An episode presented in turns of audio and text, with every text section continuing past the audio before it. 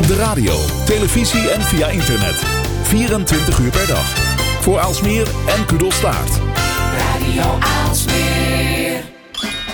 Het is maandag. Tijd voor anders. Tijd voor scherpte en innovatie. Tijd voor blikopende radio. Met Wilg en Lennart. Welkom bij alweer de 65e aflevering van Blikopener Radio. Mijn naam is Lennart Bader en vandaag is Miranda Schellevis onze gast.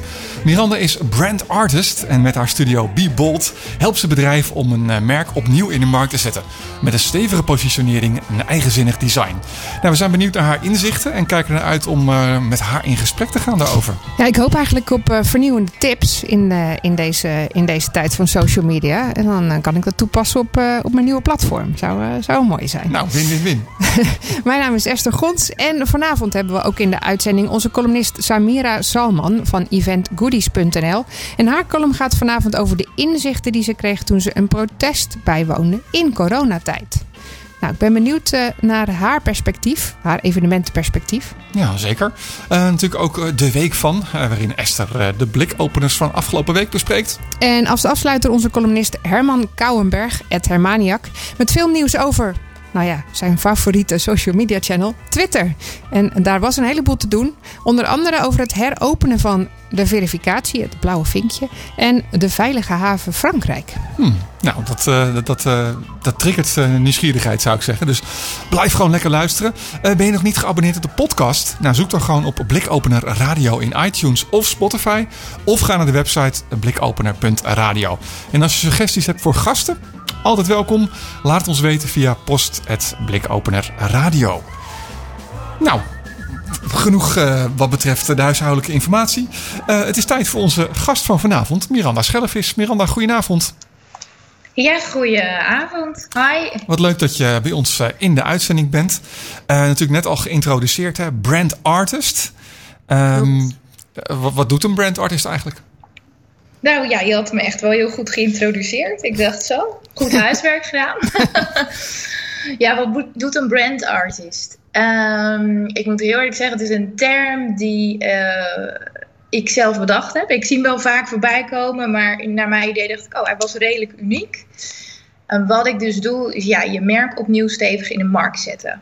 En dat doe ik dus voor um, ja, ondernemers die al een aantal jaar uh, een bedrijf runnen, succesvol zijn. En vervolgens zijn ze gegroeid in kenniswaarde. Nou ja, en op een gegeven moment past dat jasje wat ze hebben past niet meer. Dus de uitstraling van hun bedrijf. Uh, die laat nog zien eigenlijk dat ze ja, starter zijn. En wat ik dan doe is uh, die cap tussen wat ze uitstralen en tussen wat ze zijn. Die, ja, die dicht ik dan door uh, opnieuw een design voor ze te maken. Hmm. En het, het, het brand art, het artist aspect in brand artist... Um dat, dat doet vermoeden dat het uh, meer creatief is dan dat het uh, heel erg op marketing zit of zo. Is dat correct? Ja, klopt. Het is vooral echt design. En het verschil tussen brand design en brand artist is voor mij dat ik net even een stap verder ga. Ja, dus ik maak niet alleen maar iets moois, maar um, uh, ik geef je meer tools mee. En ik neem mijn klanten mee het museum in. Oh, dat klinkt ook heel spanning, spannend. vertel, oh. vertel. Um, Want dat mag nu weer. Nou, dat mag nu weer. Ja, dat was wel even spannend. Dat was ook wel weer opgelost. Dat is ook wel weer leuk hoe dat dan allemaal gaat. Um, ja, kijk, weet je, als je een aantal jaar een bepaald vak uitoefent, uh, of je nou ondernemer bent, of nou ja, jullie hebben ook een bepaald vak, je bent gewoon heel erg geconditioneerd in de antwoorden die je gaat geven. Dus wat ik uh, doe, is mijn klanten meenemen naar het museum. En hoe gekker de tentoonstelling, hoe beter. Um, om hun uit een uh, comfortzone te halen. Um, en uit die geconditioneerde antwoorden. Omdat kunst laat je gewoon op een hele andere manier naar dingen kijken. En dat vind ik gewoon heel erg tof, om te zien wat eruit komt. Maar hoe, hoe uh, kun je een voorbeeld geven dan? Hoe dat gaat? Um, hoe dat gaat? Het zijn een aantal dingen. Ze, sowieso, ze krijgen opdrachten van mij. Dus welk, uh, welk kunstwerk geeft uh, het gevoel weer wat jij wil neerzetten met je bedrijf? Nou, super breed. Uh, en altijd kiezen ze een, een werk uit. Dus ik heb nog nooit gehad dat iemand zegt: Nou, nee, ik kan echt helemaal niks vinden. Altijd vinden ze een werk eh, wat bij hem past. En vervolgens gaan we daar weer verder over. Welk tafereel speelt zich daar dan af? Ehm, wat kan je van dit werk leren? Ehm, nou, en, en, en hoe kan je dat dan weer vertalen naar je bedrijf? En dat is onder andere dan weer inzichten die we in de middag meenemen. Dat lijkt mij leuk om te doen. Zo'n stukje. Het is heerlijk om te doen. Ja, dus, ik vind het geweldig. Ja. Dus eigenlijk zeg je, nou, die, die bedrijven die bij mij komen, die zijn, nou ja, waren misschien ooit start-up of net begonnen. En die, eh, die eh, zijn eh, aan een, een, slagje professionalisering toe. En misschien wel een ander perspectief op hoe ze er nu uit moeten zien. Nou ja, naar de buitenwereld toe dan, begrijp ik. Ja. En dan gebruik je dit soort dingen om, om dat perspectief te kunnen bieden of te vertalen? Of, of, of heb je nog meer van dat soort trucs? nou, dit is natuurlijk dit is een gedeelte dat zij zelf gaan inzien. Uh, of zelf inzichten krijgen. Door wat ze uitkiezen uh, zie ik heel veel. Dus bijvoorbeeld hoe ze door een museum lopen. Dan weet ik, oké, dit is bij deze persoon past een heel erg gestructureerde branding. Of juist dat het wat losser, wat dynamischer is. Um, dat is een gedeelte, maar ik ga natuurlijk ook echt gewoon de vragen aan ze stellen. Um, die neem ik aan iedere eh, designer stelt. Uh, en een gedeelte um, uh, psychologie neem ik ook mee van. Want als we kleuren gaan kiezen, wat betekent een kleur? En eigenlijk die, dingen, die drie dingen combineer ik dan met elkaar ja, om het nieuwe design neer te gaan zetten. Ja, ik vind dat, ik vind dat heel spannend. Maar eh, heb je dan ook vooral uh, mensen die echt uh, meteen bold durven te zijn? Of moet je ze ook wel eens over de streep trekken om dat te, te, te durven? Uh, beide. Ik heb soms komen de ondernemers die zeggen: Ja, ik wil helemaal bold, ik wil helemaal losgaan. En denk nou, dan ga ik helemaal aan. Dan denk ik: Yes, we gaan helemaal, we gaan ook echt helemaal los. Maar er zijn ook ondernemers die ehm, het heel graag willen, maar inderdaad, wat je zegt, dat nog niet helemaal durven. Um, en doordat ik ze met iedere stap die we zetten, neem ik ze mee in het hele proces. En gaandeweg zie je echt allerlei dingen al veranderen. Er zit bijvoorbeeld ook een, um, een fotoshoot in. Nou, locatie, uh, alles wordt helemaal geregeld. En als ze dan die foto's, al is het maar een sneak preview, uh, dan krijgen. Ja, ik had onlangs dat ook weer gedaan. Toen kreeg ik een berichtje van, oh Miran, ik weet niet wat er gebeurd is, maar ik heb echt vleugels gekregen. En denk ik, oh yes. Ja, want het was iemand die zich eerst niet durfde te laten zien. Of daar moeite mee had. Ehm, ja, dan gaan we dat traject in en je ziet ze gewoon gaandeweg veranderen. En dat is gewoon heel tof. Tof. Maar ik kan me ook voorstellen dat als je zeg maar, uh, hè, als, als je um, je, je, bedrijf um, als je bedrijf om jou draait hè, als, als ondernemer, hè, dan ben jij natuurlijk heel erg de persoon. Maar het kan ook natuurlijk zijn dat je een veel groter bedrijf hebt. Ja, en dan is het niet één iemand die door, met jou door het museum loopt. Nee, klopt. Wat ik, uh, dan komt er weer iets anders om de hoek kijken. Het, is een, het ligt er een beetje aan. Voornamelijk de klanten die ik nu help, die zijn uh, ze, ze, staan alleen uh, aan het bedrijf vooraan, maar ze hebben wel een team achter zich. Dat zijn geen vaste mensen in loondienst, maar ze hebben meestal wel een team van VA's of freelancers. Uh, dus dat zijn wel grote bedrijven, maar met één gezicht. En soms zijn, willen ze ook niet het gezicht zijn, maar dat, dat kan. Um, en je kan natuurlijk ook een, een groter bedrijf hebben. Die heb ik op die manier nog niet mee naar het museum genomen. Ik doe dit nu ongeveer ook een jaar op deze manier. Mhm. Ik ben nu weer met iemand in gesprek, juist voor uh, ja, de grotere ondernemers, als in ja, 30 man personeel. Um, hoe ik dat dan ga aanpakken. Dus ja, daar haak ik nu iemand bij aan. Ook weer heel erg tof. Nou, ik wou zeggen, dat uh, variatie genoeg. En, en hoe kom je daarbij? Hè? Want, want ik, ik kan me zo voorstellen dat of je hebt een achtergrond in design of juist in psychologie. Want het is iets, het, het, is eigenlijk iets wat je combineert. Je, je zegt, je bent als bedrijf veranderd. Uh, hoe verandert de blik van de wereld op jou nu? Uh, hoe, hoe ben je daar zo ingerold? Um, voor mij is het echt heel logisch allemaal. Ik snap ook niet dat andere designers het niet op deze manier doen hoe ben ik er ingerold? Ja, ik, heb de kunstacademie als achtergrond. Toen heb ik altijd geroepen van, ik ga voor mezelf beginnen. En ik moet heel eerlijk zeggen, dat was eigenlijk meer omdat ik het heel tof vond om dat te zeggen. Dan dat ik ook dacht dat ik dat daadwerkelijk zou gaan doen. Uh, maar al heel snel uh, ben ik voor mezelf begonnen. Uh, ja, weet je, dan neem je allerlei opdrachten aan. En op een gegeven moment echt gespecialiseerd in echt ehm, ja, die look and feel voor een bedrijf neerzetten. En ik ben op een gegeven moment weer heel erg, ehm, nou, ik was zeggen, geïnteresseerd geraakt in kunst, maar meer naar uh, musea gegaan. Vond ik fantastisch. En ik dacht, ja, dit, dit moet ik gewoon met meer mensen delen, ook met klanten en hoe dan. En nou, vervolgens is toen deze manier eruit gerold. Uh, en die psychologie, ja, ik, ik blijf gewoon inlezen en bijleren. Ik vind dat iedereen die design moet weten wat betekent een kleur. En, um, als je een bepaalde vorm gebruikt, wat, wat straalt dat dan uit? Weet je wel? Een ronde vorm is compleet een andere uitstraling dan iets met hoekige vormen. Um, voor mannen en vrouwen ben ik me nu ook. Dat is weer, dat, ik heb heel veel boeken, dat boek is weer een beetje weggezakt, maar die, daar wil ik me ook nog meer in gaan verdiepen. Weet je, er zit ook weer een verschil in. Uh, ik, het is gewoon mijn eigen. Uh, ik doe gewoon wat, wat, ik gewoon heel erg tof vind en waarvan ik denk: oké, okay, dit gaat gewoon werken. En nou ja, dan krijg ik terug van mijn klanten dat het werkt. Dus dat is dan, ja, dan blijf je dat doen en dan ga ik weer verder leren. Mooi. Ja, dat is, is het eigenlijk, ik, ik, denk ook een beetje, is het nou antwoord op je vraag? Wat was je vraag ook alweer? nou ja, ik denk dat het uiteindelijk wel het antwoord op mijn vraag was. Hoe je er nou zo okay. bent ingerold. Uh, ja. Ik kan nog een stapje terug hoor. Wilde je dat vroeger ook worden? Dat is misschien concreter dan. Wilde ik... Te, nee, dat wilde ik... Nee, nee joh. Ik was helemaal geen van... Dat weet je toch helemaal niet als, als kleinkind. Als we naar zo vroeger gaan van... Uh, dat dat bestaat. Want in mijn uh, omgeving deed niemand uh, iets van ontwerpen of kunstacademie. Weet je, dat was. Ja, jongens, je gaat niet naar de kunstacademie, want wat gaat er dan van je terechtkomen? Um, maar je was, altijd wilde, was al creatief aan het schilderen en tekenen en doen, weet ik het allemaal? Ja, dat lijkt me. Ja, ik was altijd al aan het tekenen. Um, en zelfs, en ik wilde al, en ik was dat wel heel erg van het snel. En ik was eigenlijk ook wel ondernemend als kind. Want toen ik een jaar of vier of vijf was, toen maakte ik tekeningetjes en die ging ik dan um, aan mijn ouders verkopen. Voor weet ik veel, 10 cent of zo, weet je wel. En dan iedere keer proberen hoe ver kan ik dan gaan.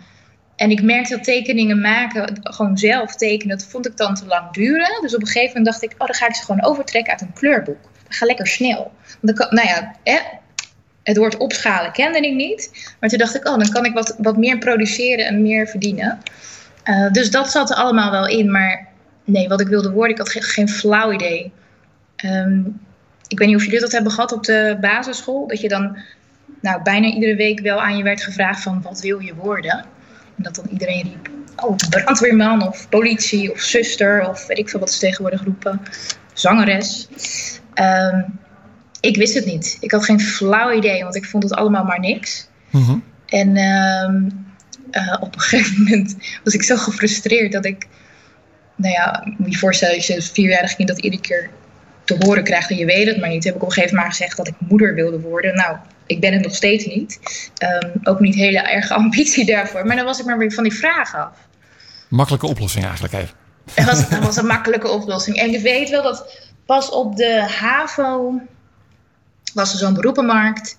En um, daar stond een steentje en dat ging over uh, reclame en reclametechnieken of zoiets. Um, en dat leek me wel wat. En, en daar ben ik me meer in gaan verdiepen. En, nou ja, dat was in Groningen. Dat was echt de andere kant van Nederland voor mij. Op een gegeven moment kwam ik dus bij de kunstacademie uit. En toen um, uh, ben ik helemaal daarvoor gegaan. Dat, dat eigenlijk. Want kunstacademie ja. kun je volgens mij uh, uh, natuurlijk super voor het artifarty kunstenaarschap gaan. Of juist de commerciële kant. En jij bent toch voor het commerciële gegaan dan uiteindelijk? Of, ja. Het, het, misschien zijn het helemaal geen twee keuzes hoor. Dan zie ik het een beetje, zeg ik het een beetje zwart-wit. Maar je snapt wat ik bedoel denk ik toch? Ja, Um, je, hebt de toege- je hebt de vrije kunst, dus gewoon autonoom werk. En je hebt de toegepaste kunst, als in reclame, um, grafisch ontwerp, mode, dat soort dingen. Toegepaste kunst, dat is een mooi woord eigenlijk. Of een mooie omschrijving. Ja, ik wist ook niet dat dat, dat zou heten, die twee. Uh... Nee, dat is goed. Nee. Nou, weer wat ja. geleerd. Ja. Toegepaste kunst. Dus jij dacht daar, dat wordt hem. Ja. ja, en inmiddels ben ik steeds vrije werk aan het maken. En nou ja, dat ik denk, hoe, ver, hoe kan ik nu die, die kunstwereld betrekken bij wat ik nu doe? En uh, dat is wel het mooie van kunst, weet je. Er wordt continu wordt de grens opgezocht van wat kunnen we doen? Nou ja, hoe lang is het geleden? Volgens mij net voor de corona dat iemand, een kunstenaar, ik vind het fantastisch. Een banaan, een stuk tape, plak het op de muur, verkoop het voor een ton. Ja, hoe cool is dat? ik vind dat geniaal. Ik zou het zelf nooit kopen. Ik hoef het ook niet in mijn huis. Maar het idee dat het kan, weet je wel, dat die grenzen, dat, dat, dat kan gewoon allemaal. Als je het Ehm, maar, en als je dat het maar vind kan ik- bedenken, dan kun je er misschien wel mensen bijna zo gek voor krijgen dat ze het ook nog hè, als, als kunst zien of als ze daar waarde aan hechten of iets. Ja, ja, inderdaad. Dat ze er op een of andere manier emotioneel bij betrokken voelen. Of dat ze het een geniaal plan vinden. Of ehm, ja, een of, ja, dat ze er tot aangetrokken worden. En dat is met design natuurlijk ook. Ehm, ik zeg altijd, wat je uitstraalt, dat trek je aan. Dus dat moet heel erg bij je passen. Maar kijk ook naar... ehm, ja, wat past echt bij jou? Ga, ga niet doen ehm, wat iedereen doet. Dus weet je, je hebt bepaalde doelgroepen en dan doet iedereen hetzelfde, want dat heurt zo. Mhm. En ik denk dan, ja, jongens, dat gaat me niet opvallen. Nee, dus Dus wat kan je, ja, wat kan je dan wel doen wat helemaal bij jou past en opvallend is? Dus en wat buiten, gewoon buiten de lijntjes kleuren. Dat je met je kop en schouders boven de massa uitsteekt. Maar goed, dat is de- tegelijkertijd is dat natuurlijk super moeilijk voor, voor hè, mensen. Dus je ziet het ook nu in innovatie. eh, st- steeds meer, staat steeds sneller, steeds meer. Hoe val ik dan nog op? Maar ook, eh, eh, hoe, hoe vind ik mijn bedrijf opnieuw uit? Hoe vind ik mezelf opnieuw uit? En, en jij gaat dan Ja. nog een stapje verder. Daar, daar hoort een emotie bij en een associatie. En hoe geef ik daar vorm aan? Eh, Ik denk dat heel veel mensen dan wel denken: oh, dat is heel creatief. Ik, ik weet niet zo goed waar ik dan moet beginnen. Heb je, heb je dan tips? Want jij zegt zelf al: ik, kijk, ik probeer kunst juist daar heel veel voor te gebruiken. Maar als ik nou Ja. zelf ergens weer begin, wil beginnen. En, en hoe ver, waar ergens wil je zelf beginnen? Nou, Want nou ja, een beetje aan- aan, welk aan- punt natuurlijk. Ja, precies. Aan, aan mensen die denken van ja, ja, jeetje, dan moet ik gaan innoveren. Ik moet opnieuw over mijn bedrijf denken. Of over hoe ik, in een, eh, hoe ik gezien word door anderen. Waar, waar zou jij dan beginnen? Ik zou sowieso eerst kijken ehm, waar stond je toen je begon? Eh, en waar sta je nu? En hoeveel jaar zit daartussen? Wat is er allemaal veranderd? Is je doelgroep veranderd? Eh, is je aanbod veranderd? Zijn je eigen ideeën veranderd? Ehm, en van dat is eigenlijk je startpunt van, van waar je dan weer uit eh, ja, kan vertrekken. Dus dat, dat zijn eerst dingen die je eerst voor jezelf helder moet krijgen. Mhm. En, en dan heb ik dat helder. Hè? Dan snap ik een beetje van, oké, maar ik ben de afgelopen vijf jaar bezig en eh, daar is heel veel veranderd. Ehm, dat, dat bepaalt de aanpak voor de rest. Ehm, ja, ik zou zeggen, neem contact op met een designer die je hiermee verder kan helpen. Want die, als het goed is, loods, loods die jou door alle stappen heen. Mhm. Ehm, en dan blijf je ook niet in je eigen kringetje eh, cirkelen met je gedachten, maar kan je juist daaruit breken en dus tot nieuwe ideeën komen. Ehm, maar je hebt altijd een basis. Je moet goed kijken waar, waar je staat, waar je naartoe wilt gaan, wat je wil uitstralen. En daar ga je een vorm bij zoeken. En daar helpt een verse, verse, frisse blik helpt daar natuurlijk enorm bij. Absoluut. Ja. Zeker. Maar betekent dat ook dat je iets van jezelf moet laten zien? Als je zegt van nou ja, eh, jij zegt be bold. Moet jij dan die persoon ook kunnen snappen als, het, als het, die persoon het gezicht is voor, voor, die, voor dat bedrijf? Ja, als het echt het gezicht, die persoon, ja, zeg een, eh één persoon die een bedrijf runt met een team. Ehm, ik hoef in, in eerste instantie, dat vind ik ook wel leuk, weet je, want ik werk dan ook met klanten dat ik in het begin denk, ah, wat doe je nou precies? Weet je, maar door al die vragen wordt dat, wordt dat duidelijk, leer ik die persoon kennen. Ehm, en dan gaat er echt iets heel eigens eh, naar voren komen. Juist hoe dieper je gaat graven, hoe eh, sterker design er eigenlijk gaat komen. Grappig, en op die manier kun je een inspiratiebron zijn eigenlijk ook voor die bedrijven. Eh, nog een keer? Op die manier ben jij dan weer een soort inspiratiebron natuurlijk ook voor die bedrijven. Nou ja, of een sparringspartner, zo zou ik het meer eh, omschrijven. Ja. En als je kijkt naar je eigen inspiratiebronnen, ehm, heb, heb je bepaalde kunstenaars waar je helemaal eh, aan op gaat? Ehm,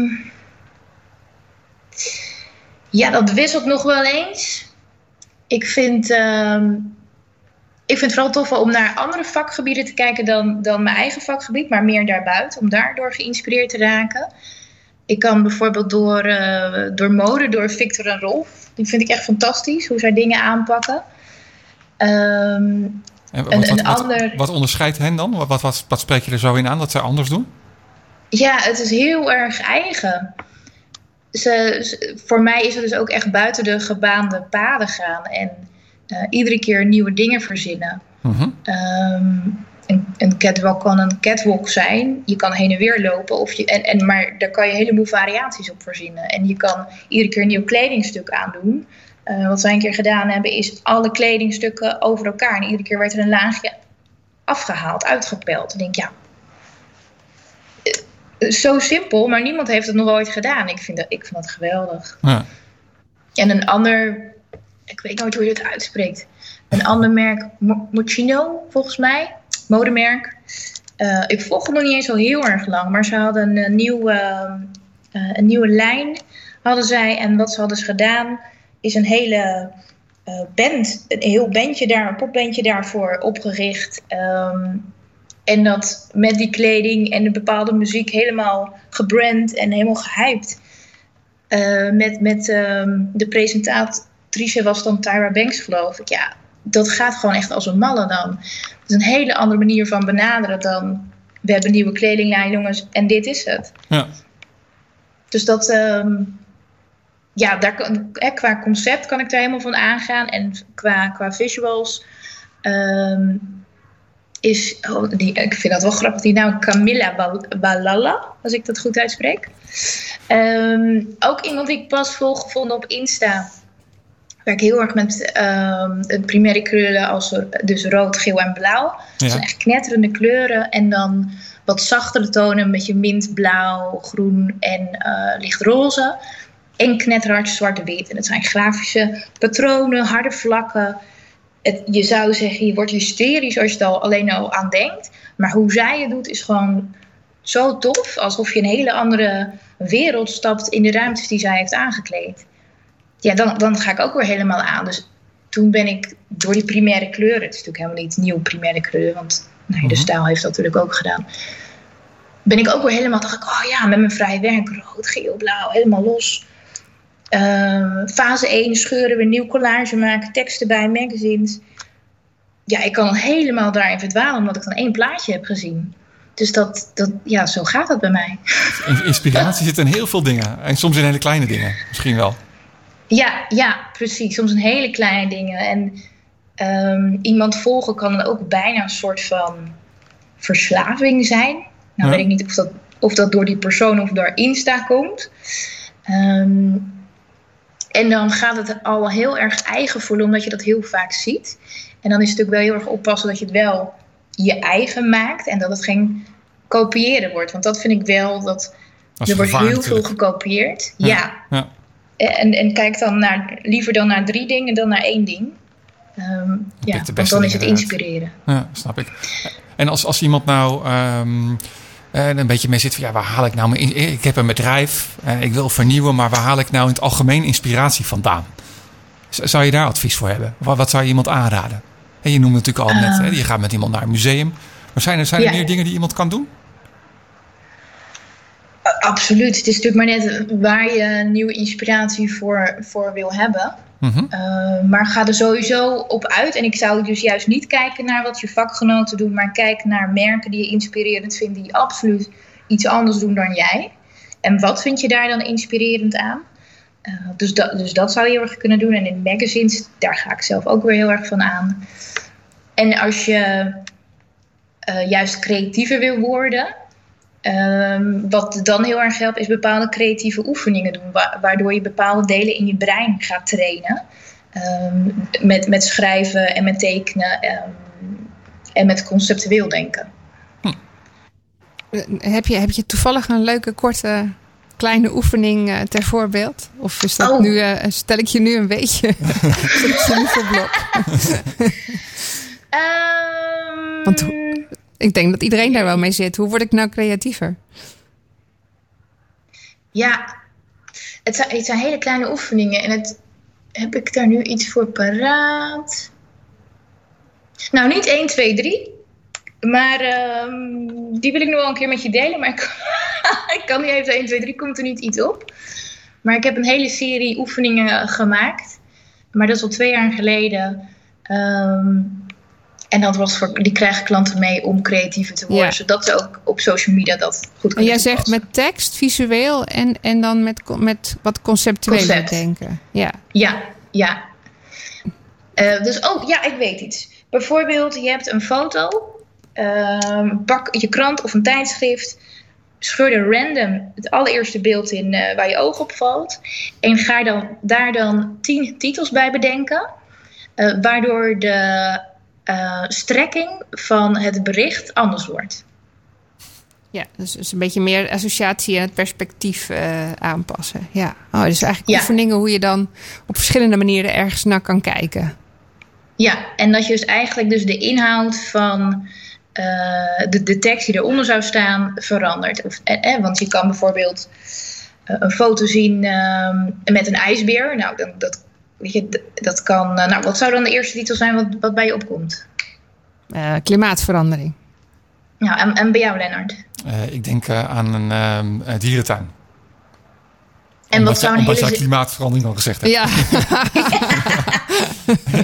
Nee, goed, maar dat zijn, dat zijn dan twee, twee dingen. En dat gaat compleet een andere kant op. Dus bij de dierentuin zou het zijn over misschien een nieuw eh, ijsbeertje geboren. Ja. En ehm, eh, bij het andere bericht gaat het over het klimaat en wat we daar misschien aan kunnen doen. Nou, dan, dan zou ik zeggen, dat zijn de eerste. Verzin er nog 13 bij, dus zit je op 15. En dan ehm, eh, oefen je jezelf dus ook door anders naar het beeld te kijken. Als je echt een foto hebt, ga je ook naar details kijken. Oh ja, wacht, laten we niet focussen op die ijsbeer, maar op dat bloemetje wat ernaast staat. Ik zeg maar wat. Mhm. Ehm, en op die manier train je dus je brein. En nou ja, dat is één oefening. Eh, maar ga iedere dag eh, drie van dit soort oefeningen doen. En je merkt echt wel dat je creatiever gaat worden. Grappig. ja goeie. Nou, volgens mij, Esther, je hebt eh, huiswerk. Ja, ik ga, ik ga eerst, eerst eens wat kopen aan krant en tijdschriften. Oh ja. Want die heb ik. Ik kan niet zo goed scheuren, maar misschien mag ik ze ook gewoon. eh, Dat je iPad scheurt. dat zo dat ik gewoon screenshot. Dat dat Oh ja. hetzelfde is. ja, Ik denk dat het wel goed gerekend wordt. ja Ik reken het goed hoor. Hey, en eh, nou goed, eh, die oefeningen, dat, eh, dat, dat vind ik heel, heel, heel interessant om te doen. Dat je echt dat er- andere perspectief krijgt. Maar jij bent natuurlijk ook bezig met een ander perspectief, want jij doet nog vrije opdrachten. Ehm, ik Ja. hoorde over, over kleuren, maar da- daar doe je ook elke dag iets in om jezelf te blijven trainen. Niet iedere dag. Eh, was het maar zo'n feest. Eh, nee, ik ben wel iedere dag iets bezig met opmaken. eh, en het kan natuurlijk ook voor klanten zijn ehm, of iets te lezen. Eh, maar ik probeer wel echt eh, de laatste tijd iedere week iets eh, te maken. En ehm, het is eigenlijk begonnen met. Ik heb soms zoveel ideeën in mijn hoofd. En om het te legen, ehm, ben ik eigenlijk abstracte eh, beelden gewoon gaan, gaan, gaan tekenen. Dat is een soort met krijt, wat je met aquarel, dus dan wordt het een soort van verf. Mhm. Ehm, hele diep intense kleuren. En eh, de eerste keer zo, oh, dacht ik zo, nou dit is echt zo spuuglelijk, dat gaan we verscheuren. Nou, ook dus letterlijk gedaan.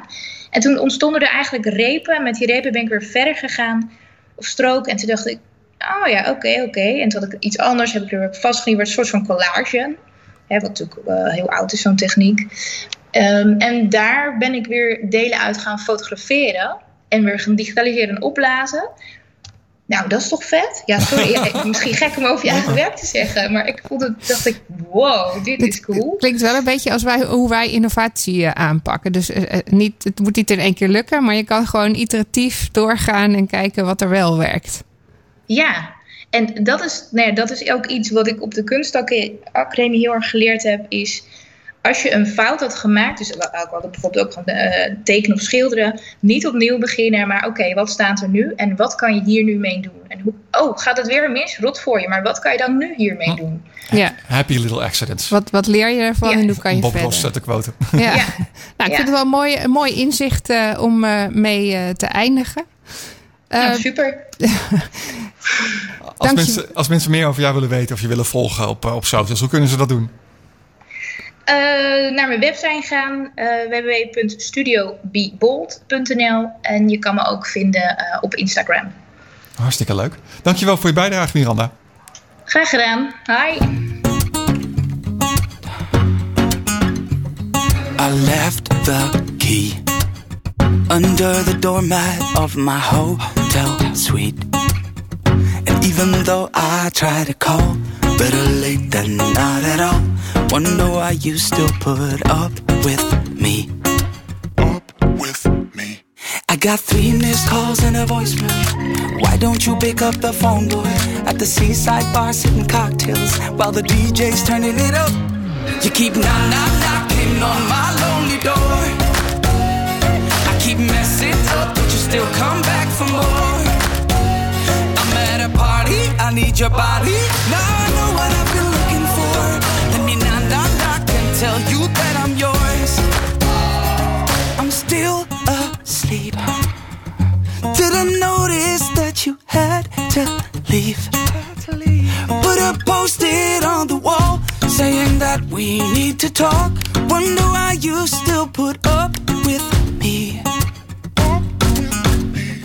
I got three missed calls and a voicemail.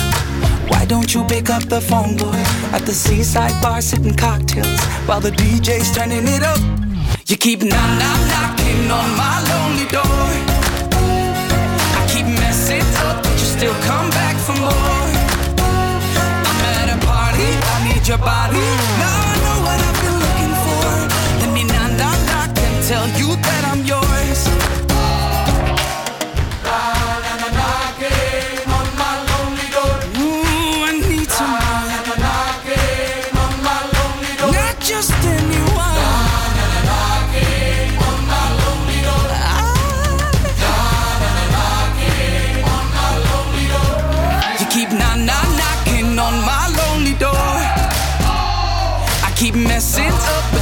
come back for more. You keep knock knock knocking on my lonely door. I keep messing up, but you still come back for more. I'm at a party, I need your body. Now I know what I've been looking for. Let me knock knock knock and tell you that I'm yours. Now knock knock knocking on your lonely door. Baby, open up and let me in once more. Wolf en een Lonely Door bij Blikopener Radio. En zo is het tijd geworden voor onze eerste columnist van vanavond, Samira Salman. Samira, goedenavond. Hoi hoi. Hallo. En nou ja, jij had iets eh, bijzonders meegemaakt. En daar gaat je column over, toch? Ja, ik moet, ik moet even grappig. Meestal kan ik wel een haakje maken met, me, met de, de gast, maar deze keer is het echt iets heel anders. nou, dat klopt inderdaad, ja. Ga van het een naar het ander toe. En dat maakt het ook lekker Ja. gevarieerd. Precies. Nee, ik, eh, nou ja, we zitten natuurlijk in de hele coronatijd en ik, eh, ehm, ehm, ik ben best wel heel erg voorzichtig met alles. En eh, ja, probeer gewoon zoveel mogelijk te, risico's te vermijden. En sommige mensen noemen mij zelfs angsthaas. Wat ik het niet mee eens ben, maar oké. En, maar toch stond ik ineens op het protest in Utrecht tussen al die mensen.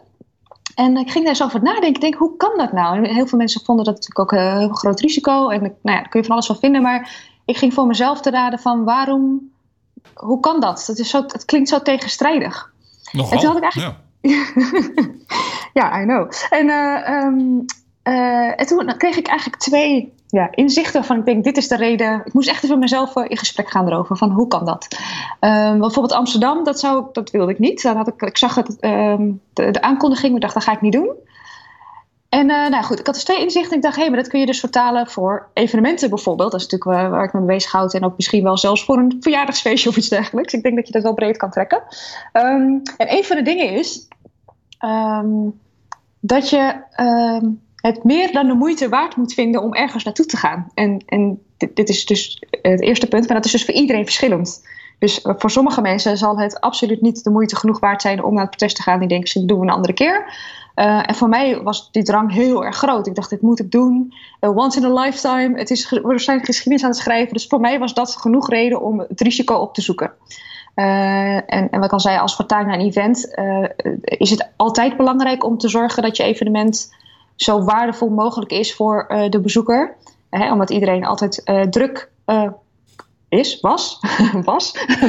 ik ja. weet het niet. Ja. Uh, um, uh, maar voorheen ja, had je had te, te maken met drukke agenda's. En uh, nou, dan moet het wel echt een goed event zijn. Maar nu komt er dus ook nog een stukje gezondheid bij kijken waar je, wat je overweegt.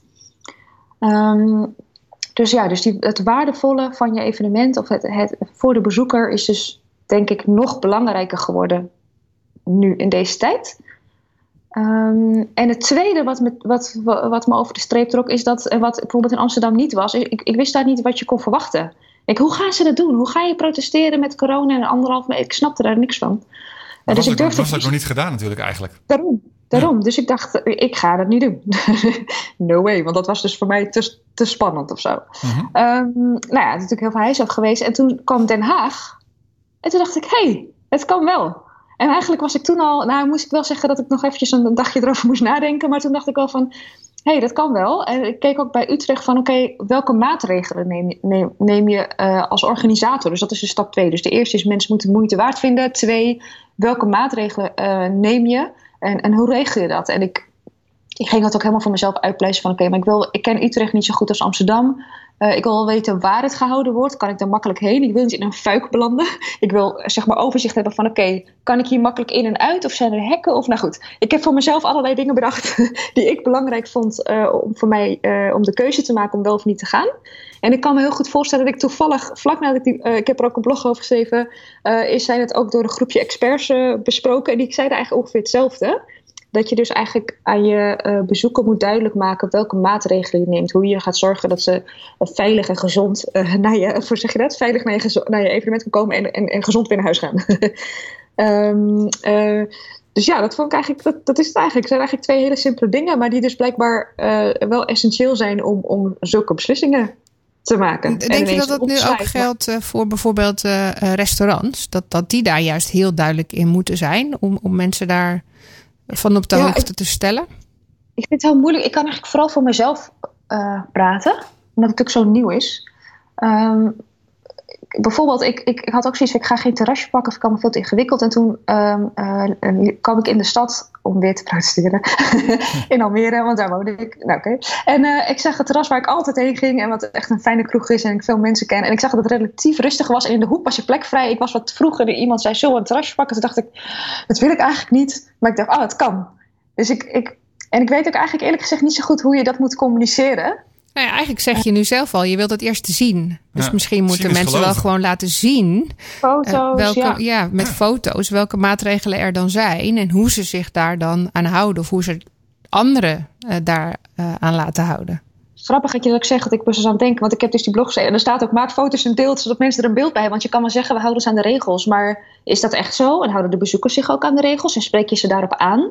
Ja. en, en het, is, het, is, best wel complex iets natuurlijk. En je wil ook niet een, uh, een hele reglement ervan maken. um, maar het gaat denk ik wel om een stukje vertrouwen winnen. En ik denk dat foto's daar inderdaad wel een heel... Uh, of beeld of filmpjes. Ik denk dat dat wel heel goed kan helpen. Ja. Ja, want dat, ja, ja, vertrouwen winnen is denk ik wel belangrijk zijn. En voor mensen die dan zeg maar, er, zijn natuurlijk, er is natuurlijk een groep mensen die um, hè, het allemaal niet zo serieus neemt. Maar je hebt natuurlijk mensen die dat wel doen. Ja, die willen natuurlijk wel weten waar ze aan toe zijn. Ja, precies. En ik weet ook eerlijk gezegd, als ik heel eerlijk, als ik een beetje kijk wat er allemaal gebeurt, heb ik niet het idee dat nog heel veel mensen heel angstig zijn. um, maar goed, ik weet het niet hoe dat is. Als je een specifiek evenement hebt uh, waarin je bijvoorbeeld al best wel moeite moet doen om mensen te krijgen, dan heb je gewoon nu een extra uitdaging. Ja. Ja, nou ja, je moet natuurlijk rekening houden met iedereen. En je wil ook dat je zelf uitstraalt uh, waar je precies serieus in bent, denk ik. Uh. Nou, precies. En zeker als organisator wil je het gewoon uh, goed doen. Ja. En je hebt al die mensen over de vloer. Dus voor je eigen gezondheid is het ook wel lekker ja. dat je het goed doet, toch? Ja, precies. Denk ik dan. Ik, ik, heb, ik heb, kijk, niet, kijk geen nieuws verder, maar ik heb gemist dat er een vaccin is, volgens mij. Dus ja, volgens ja. mij zijn we ja. er voorlopig nog niet vanaf. Dus zul je toch op een of andere manier iets slims moeten doen. Um, ja. Dankjewel voor je bijdrage, Samira. Als mensen uh, jou willen volgen, hoe kunnen ze dat doen? Op eventgoodies.nl. En nog misschien wel leuk, we hebben vandaag ook uh, een blog, een gastblog van iemand die ook wat meer tips geeft over hoe je communiceert over uh, uh, je evenement in coronatijd. Dus die gaat er nog wat specifieker op in. Dat is misschien wel leuk om te lezen. Nou, hartstikke goed. Dankjewel hè. Jullie ook. Doeg. En zo gaan we uh, door.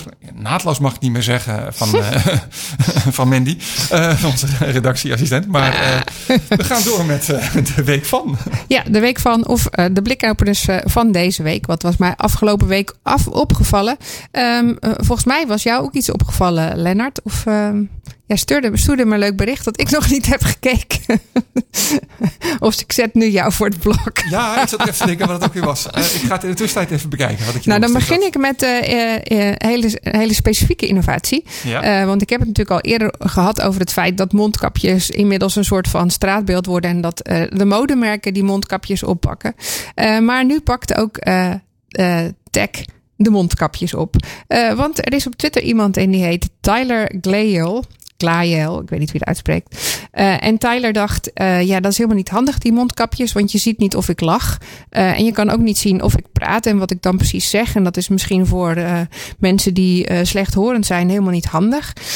dus die bedacht een nieuw soort mondkapje. En dat is een mondkapje waar behalve een batterij ook ledlichtjes in zicht zitten met sensoren die reageren op zijn als hij praat op zijn mond. Ja. Um, dus zijn mond beweegt uh, door middel van die ledlichtjes die aan de buitenkant van dat kapje zitten. Dus zo, zo, kan je zien dat hij zijn mond in een o of in een, in een e doet. Dus je ziet in ieder geval dat hij zijn mond beweegt. En hij kan zelfs uh, door zijn gezicht te bewegen ook een uh, smiley maken.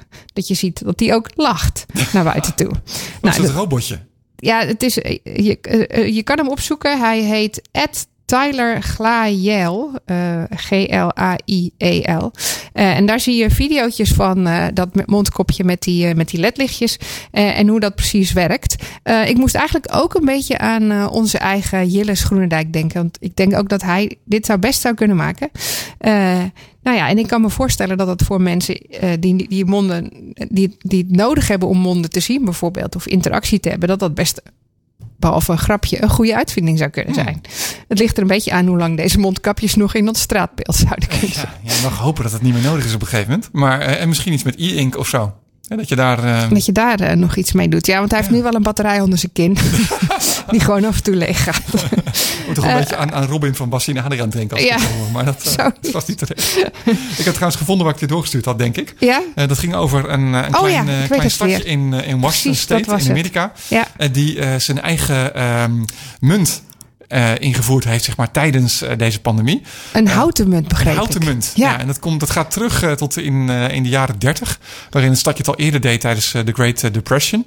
Um, en wat het idee van de um, burgemeester daar was van, ja, Um, er zijn natuurlijk veel mensen die, hè, er zijn in dat stadje relatief veel mensen die het niet zo goed hebben, of die in, in armoede leven. Um, die willen ze steunen, maar ze willen eigenlijk dat het geld uh, besteed wordt aan uh, de lokale economie. Dus dat ze het geld lokaal uitgeven en niet bij Amazon of zo uh, dingen online bestellen.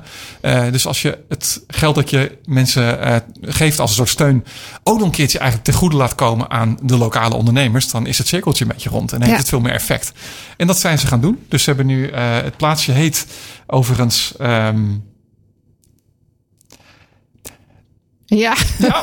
we scrollen even door. het was niet zo'n heel groot plaatsje, begreep ik, met 1800 inwoners. 1800 was niet heel dus groot. Dus iedereen heeft daar een houten munt gehad of, of, of plankje. Ik weet niet precies hoe dat werkt. En met die plankjes kun je lokaal dus uh, uh, die, die credits op een of andere manier uitgeven. Zodat het is, je elkaar en, en het dorp zeg maar ondersteunt. Ik, ik, vind het wel heel mooi bedacht. Alsof we hier weer de, de, de, de gulden gaan invoeren. Ja. uh, maar het, het lijkt ook wel weer een beetje op elkaar ondersteunen met, uh, met van die, van die uh, credits die je dan hebt voor uh, dingen ruilen. Dus ik vind het wel ergens daartussenin is het wel een mooi initiatief. Het Tenino heet het plaatsje. Vooral omdat het hout is. Ja, ze gebruiken een, een oude bank, een oude krantenpers van 130 jaar oud. Uh, om dat te drukken ook echt, zeg maar. En uh, dat hebben ze dus in de jaren dertig ook al een keer gedaan, die manier. Dus hij heeft inspiratie gevonden uit de geschiedenis. Oh, dat vind ik ook wel mooi, hè? Pers perspectief uit de geschiedenis. Ja. Uh, nou, verder was er nogal een, nou ja, een, een mooi bericht of, verrustend, of verontrustend bericht. Dat weet ik niet precies. Elon Musk is namelijk ook eigenaar van de non-profit OpenAI. En dat is een machine learning organisatie die een AI aan het ontwikkelen is... die nou ja, op een hele snelle manier met taal om kan gaan, uiteraard. Uh -huh. uh, en die hadden al eerder, vorig jaar, uh, een eerste versie van die AI. Uh, die ze uitgeprobeerd hadden. En die bleek zo goed te zijn dat het eigenlijk dat het eng was. He, die schreef uh, op basis van, van berichten die je erin stoppen, stopte hele eigen berichten. Sterker nog, hij schreef uh, op basis van het, van het boek 1984 van Ja, nou ja, die. Ja. het boek 1984. En de eerste zinnen eh, schreef hij gewoon een heel nieuw eh, stuk proza. Wat ook nog gewoon goed leest en logisch is. Eh, maar dus ook tweets op basis van dingen die gebeuren in de stockmarket. Ehm, en op dat moment dat dat, dat gebeurde, zeiden ze bij dat bedrijf OpenAI. Heel tof, maar we halen het weer van de markt af. Want dit is eigenlijk ook heel gevaarlijk. Ja. Eh, zeker met eh, dingen als deepfake. Hoe weten we nou nog wat echt is en wat niet echt is? Want alles wat hier automatisch geschreven is, dat, dat lijkt Niet te onderscheiden. bij- niet te onderscheiden, lijkt Ja. bijna echt, maar het wordt dus gewoon door een machine geschreven. Mhm. Eh, inmiddels zijn ze een jaar verder. En zeggen ze, ja, het is natuurlijk nu toch zover dat we er iets mee moeten. Maar we kunnen ook niet testen of het negatief of positief uitpakt als we er niet iets mee gaan doen. Dus ze hebben besloten dat ze nu in een soort van gesloten beta. eh, wat, wat commerciële klanten gaan toelaten waarmee ze projecten gaan doen. Zodat ze ook kunnen testen. Gaat dit heel snel de negatieve kant op? Ja. Of is dit juist iets wat we voor nou ja, iets positievers kunnen inzetten. Want zij zeggen zelf, nou ja, als we het niet proberen, weten we dus ook niet welke kant het op gaat. En dan gaat misschien iemand anders het doen. En wat zou de positieve kant kunnen zijn? Waar, waar denken ze aan? Waar, waar richten ze nou, op? ze zijn nu bezig met een. eh, George Orwell is trouwens eh, de Ja. schrijver. Ja, ja, ja. puntje mijn tong. ja, sorry. Ze zijn nu bezig met een, met een soort van eh, project, zodat ze kunnen zeggen. ehm, ja, als, als we nu met een bepaalde doel al eh, gaan inzetten op teksten samen met iemand. En dan kunnen we kijken of dat eh, positief wordt. Dus dan kunnen we kijken of, dat, eh, of, of we, die, of we die, die kracht van AI op iets positiefs kunnen neerzetten. Eh, bijvoorbeeld eh, kunnen we al iets met stok en wat er dan gebeurt. of kunnen we heel simpel gewoon het helpen van het invullen van details van lijsten die bedrijven opzetten in, in marketing. Hè. Dat is iets heel simpels, maar dat, dat zou ook al helpen. Kunnen we ook al dit soort dingen, kan, kan dat al zonder problemen? Kunnen we het ook al voor simpele dingen positief in goed, eh, inzetten? Nou ja, en dat is dus, eh, nou, het kan goed of het kan fout gaan, zeggen ze zelf. Spannend. Ik, eh, heel spannend. En als laatste kwam ik tegen de, de. Nou ja, kwam ik tegen. Er wordt al maanden gespeculeerd over de, de reveal van de PlayStation 5. Ik weet niet of je dat mee hebt gekregen. Maar eh, er is elke keer weer een grote reveal van de volgende PlayStation. Eh, en dat is soms gewoon een PlayStation in een nieuw jasje. Of dat er heel groot PlayStation 4 op staat in plaats van 5. Ja. Eh, of andersom. Ja. Maar dit keer leek het mij best heel interessant. Want er werd al gespecule- gespeculeerd over het feit dat er in deze PlayStation wel eens een voice assistant zou kunnen zitten, genaamd Ellie. En dat je dan je controller of je, je, je, het navigeren door je games door, door middel van voice zou kunnen doen. Links. Nou ja, eh, of misschien wel eh, dat, je, dat je dat kan plannen of op een andere manier kan doen. Ja. Eh, nou ja, zover zo- zelfs dat je je dan gaat afvragen en al die schreeuwende mensen die aan het gamen zijn achter de computer, gaat daar dan iets, niet iets mee fout. Er werd, maar er werd heel veel over gespeculeerd. Er waren zelfs video, video's over. Ik heb met smart eh, gekeken naar de reveal van de PlayStation 5. Ja. Heel veel nieuwe games. Ja. Eh, iets met camera's en 360. Ja. Eh, beter digitaal beeld. Oh, allemaal prachtig. sneller, meer geheugen. Ja, dat. Maar ik heb ook een hele, heleboel games gezien. Hè, de vernieuwde Li- Little Big Planet. Nou, mijn favoriete spel.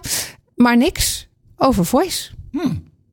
Dus ik ben benieuwd of dat alsnog heel sneaky er nu ingegooid wordt. Ja. Eh, en ze denken nu willen we al die gamers niet vermoeien met iets wat misschien heel eng is voor ze. of dat ze het even laten liggen. Of het was misschien toch een, eh, een eh, fake nieuws. Nou, dat zou kunnen, maar er was patent op aangevraagd. Hm. Dus eh, ja. En als laatste misschien een leuk nieuwtje. Er worden heel vaak heel, heel veel nieuwe game, game e-mail clients uitgegeven. Hè? Dus, Ja. eh, dat zijn dus eigenlijk eh, eh, mailprogramma's, e-mailprogramma's die je bovenop een ander e-mailprogramma kan draaien, zodat het makkelijker is om je inbox box bijvoorbeeld schoon te houden. Of dat je daar je planning in kan doen met je team. Nou, dat is een mail client. Maar er zijn maar heel weinig nieuwe mail servers. Dat is zeg maar de server Zeker, ja. die je mail in zijn algeheel aanpakt. Die voor jou de, de, de spamfilter doet, maar ook, ook zorgt eh, dat je e-mailadres daar binnenkomt en die dat regelt. Eh, nou, je, je, je kent er eh, gewoon maar twee hele bekende, bekende zijn, eh, eh, zijn gewoon die van, is Outlook en, en Gmail. Nou zijn er natuurlijk ook wat onbekendere die, eh, die wat meer over privacy nadenken. Maar er is zo kort, sinds kort een nieuwe bij. En die is best opmerkelijk. Dat is Hey. En ehm Hey als in hooi of als in dag? Hey als in H-E-Y. Oké. Hey. Als in Hey. Ehm, maar die is van de oprichters van Basecamp. Eh, en dat is wel heel grappig dat die nu met zo'n client komen. Ik ben ook benieuwd hoe ze nu. eh, ze zijn nu in beta, Server, dus ja. niet, niet eh, mailserver. Ja. In beta. Dus, eh, maar zij zeggen: wij willen het eigenlijk helemaal anders gaan zien. Wij geloven helemaal niet in inbox zero. We geloven dat je maar, maar drie stromen hebt voor je mail. Je hebt dingen die je moet beantwoorden of niet beantwoorden. of later beantwoorden. Je hebt dingen die je nog een keer wil nalezen. En dan heb je. eh, dan heb je dingen die gewoon gepland moeten worden. En zij zorgen er ook voor dat het in drie dingen in die box komt. Ja.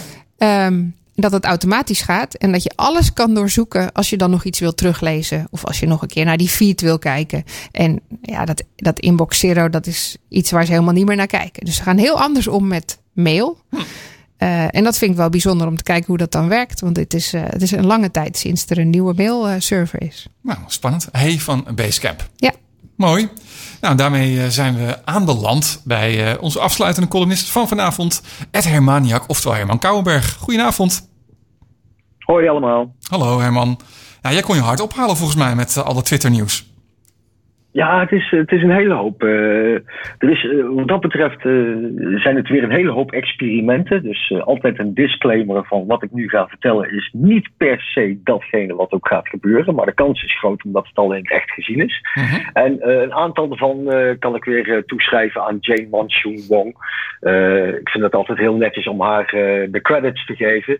Zij duikt in de code van apps en weet zo die nieuwigheden naar boven te halen. En een hele belangrijke, eh, eentje eigenlijk eh, die, die sinds eh, februari 2018 verdwenen was. Twitter is weer aan het kijken of ze de verificatie kunnen invoeren. Dat hebben ze al heel vaak gezegd. En vroeger was dat een formulier op twitter.com wat je moest invullen.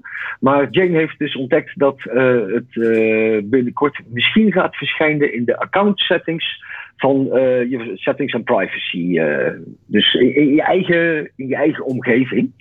En eigenlijk is er niet veel veranderd. Eh, je kunt daar een verificatie aanvragen. En dat kan iedereen doen. Twitter vraagt dan een aantal dingen van je.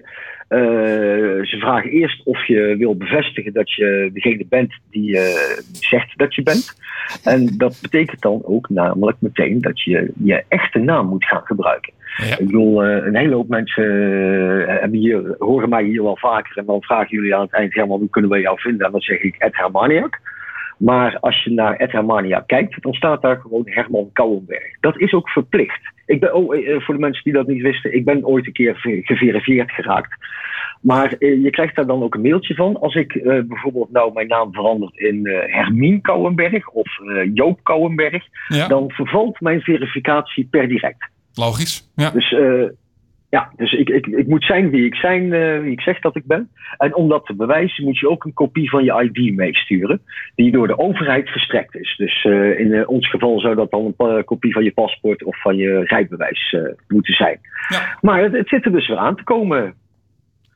Nou, Voor degenen die het graag zouden willen hebben. Ja, want het, het heeft Dus dat natuurlijk nu een bepaalde status. Maar eh, om, om zo'n vinkje te hebben, dat, dat straalt een beetje status uit. Toen ik het niet had, had ik dat gevoel ook. Toen ik het kreeg, had ik dat gevoel even. Nu ik het al een paar jaar heb, is dat gevoel echt helemaal weg. mooi. mooi. Nee, ik bedoel, eh, ja, eh, ja, ik vind het fijn dat, eh, in die zin dat ik het heb. Het is een stempel van betrouwbaarheid. Ja. Ik let daar dus op dat als ik dingen op Twitter zeg of ergens naar verwijs, dat ik er altijd een bronvermelding bij zet of credits geef. Eh, zoals nu ook aan eh, Jane. En eh, dat vind ik wel zo netjes. Ja. Dus het, het, het geeft, je ook tot nadenken. En als een hele hoop mensen dat gaan doen, dan zijn we ook van die, al die anonieme accountjes af. Zeer zeker. Nou, wat goed. Dat gezegd hebbende, eh weten jullie nog dat we een tijdje terug hadden het over de ruzie tussen Twitter en Trump? ja. Die nogal de bocht uitvloog. Wat blijkt nu, toen die ruzie zo'n beetje op zijn hoogtepunt was, toen heeft eh, president Macron van eh, Frankrijk heeft contact opgenomen met Jack Dorsey. Om met hem te bespreken dat eh, mocht eh, het in Amerika allemaal eh, niet zo gaan eh, zoals ze het graag zouden willen, dat Frankrijk eh, meer dan eh, bereid was om eh, Twitter een veilige haven te bieden. Vond ik een interessant feitje. Nou, ik denk dat er wel meer landen. Ik heb, wij hebben dat toevallig ook al over gehad. Van zou Nederland dan dat niet gewoon doen? Zijn er niet meer landen in Europa die dat dan zeggen van joh, kom dan maar gewoon hierheen. Wij zijn toch al bezig met eh, privacy en dat soort dingen. Ja. Ja, het klinkt logisch. We hebben ook het internationale strafhof eh, en dergelijke. Dus, eh, en eh, ik geloof dat eh, ik ben geen expert op het gebied van privacy, maar ik geloof dat onze privacyregeling eh, redelijk goed is. Ik heb er niks over te klagen in ieder Nee. geval. Nou ja, grappig dat Frankrijk in ieder geval dat het nu bekend geworden is. Leuk. Ja, ik bedoel, dat is de enige van wie ik het echt gelezen heb. Dus eh, van wie het bekend geworden is. Eh, dan ga ik nog even naar een eh, controversieel onderwerp. Eh, tenminste, ik geloof dat ik het al met Willig erover gehad heb. Twitter gaat retweets gaan ze voorzien van een waarschuwing. En niet zomaar, maar stel dat ik een artikel, een tweet zie met een artikel of een tweet van Radio Aalsmeer eh met een linkje naar de podcast die jullie na van deze, al deze uitzendingen uitbrengen. Ja. Nou, stel dat ik die gewoon zou retweeten. Dan, eh, of quote eh, tweeten. Dan eh, is Twitter vanaf binnenkort in staat om je een waarschuwing te geven. Van zou je dat artikel niet eerst lezen voordat je het eh, gaat retweeten? Ah, En ja, ja ik, ik ben er best wel fan van. Ik, ik heb zeker ook in de Twittermania-tijd eh, heb ik daar regelmatig artikelen over geschreven. Dat een hele hoop tweets worden eh, on, ongezien geretweet. Eh, zeker eh, op Twittermania eh, hadden wij iets van 18.000 volgers en wij waren best wel heet op het nieuws. En als ik dan een tweet verstuurde, dan, dat een artikel live stond, dan waren er nou, zeg maar binnen 30 seconden waren er vier of vijf retweets van. Zonder dat die mensen dat artikel gelezen konden hebben. Want het artikel duurde bijna al zo lang om te laden. Dus eh, ik, ik vind het wel een eh, goed punt. eh, maar niet iedereen. Ik kreeg met, iemand had het over columns die ze dan offline lezen. En als die dan online verschijnen, dat ze hem ja, zeg maar ongelezen, zonder op de link te klikken, in ieder geval retweeten. Was jij dat niet willig? Nee, dat was ik niet, nee. Maar ik zat me dus wel net af te vragen van ja, maar hoe weten ze dat dan dat je het nog niet gelezen hebt? Dan houden ze dus ook bij of je wel op Nou, geklikt dus- hebt. dan en... heb jij nog niet op de link geklikt. Nee, ja. Tw- Twitter weet Maar ik kan, eh, ik kan natuurlijk ook op LinkedIn en of op Facebook al op, op die link geklikt hebben. Dus ik snap, ik snap dat wel, dat je dan zo denkt van... hé, hey, maar misschien had ik hem al ergens gelezen. Ja, dat, dat heb ik ook wel. Maar dan, dan nog, is nog steeds een waarschuwing. dan, zou ik, dan zou ik de URL gekopieerd hebben en de tweet verstuurd hebben. Ja. Wel, dan zou ik hem niet gaan wachten totdat ik hem op Twitter voorbij zie komen om te gaan retweeten. Ja, Als het artikel maar goed, als het alleen een waarschuwing is... dan klopt het ook wat Lennart zegt. Dan is het een waarschuwing en dan kan je gewoon zeggen... ja hoor, dat heb ik gelezen. En dan klik je het gewoon weer Ja, het is er niet aan. Wel, eh, eh, nee, doe maar gewoon. eh. maar het is wel een manier om mensen een beetje te dwingen om meer na te denken over wat ze allemaal delen. Het is eigenlijk een beetje net En, als in Pokémon. weet je zeker dat je niet aan het rijden bent? ik, nee, ik ben een passenger. Ja, ik Pokémon niet meer. al, al heel lang niet meer. nee, ik, ik, ik had op een gegeven moment geen levens meer en toen heb ik hem afgesloten. Dat was na een paar dagen was ik er al klaar mee. Hmm. Maar lijsten vind ik wel een ding. En eh, we, we hebben het een tijdje terug ook al over gehad dat eh, de vormgeving van lijsten aangepast kon, eh, kon worden. En dat was, zag ik als een teken dat Twitter meer met lijsten wil gaan doen. Ja, dat kan bevestigen. Want eh, Jane heeft inmiddels ook gevonden dat eh, Twitter bezig is met een tool om te ontdekken waar, eh, waar, om nieuwe lijsten te ontdekken, om zelf te gaan volgen. En dat lijkt me voor de marketeers weer heel interessant. Mooi. Sluiten we daarmee af. Herman, dankjewel. Als mensen jou willen volgen, Hermaniak. Ehm, volgende week in onze uitzending eh, ook een bijzondere gast, eh, Babette de Winkel. Ja, Babette de Winkel is eh, de auteur van eh Rouwwoordenboek. en is nu met Marlon Dome met verlieskunst.nl beginnen, begonnen. Omdat ze vinden dat er eigenlijk een andere manier moet gaan zijn om te kijken naar rouwen en verlies. Dat we nog heel erg ouderwetse woorden gebruiken. Nou, eh, innovatie eh, en eh, blikopener genoeg zou ik zeggen. En ook heel leuk een eerste gastcolumn van Daan Weddepol... die we een tijdje terug te gast hadden van, van Peerby. Dus genoeg reden om volgende week weer te luisteren naar Blikopener Radio. Fijne week.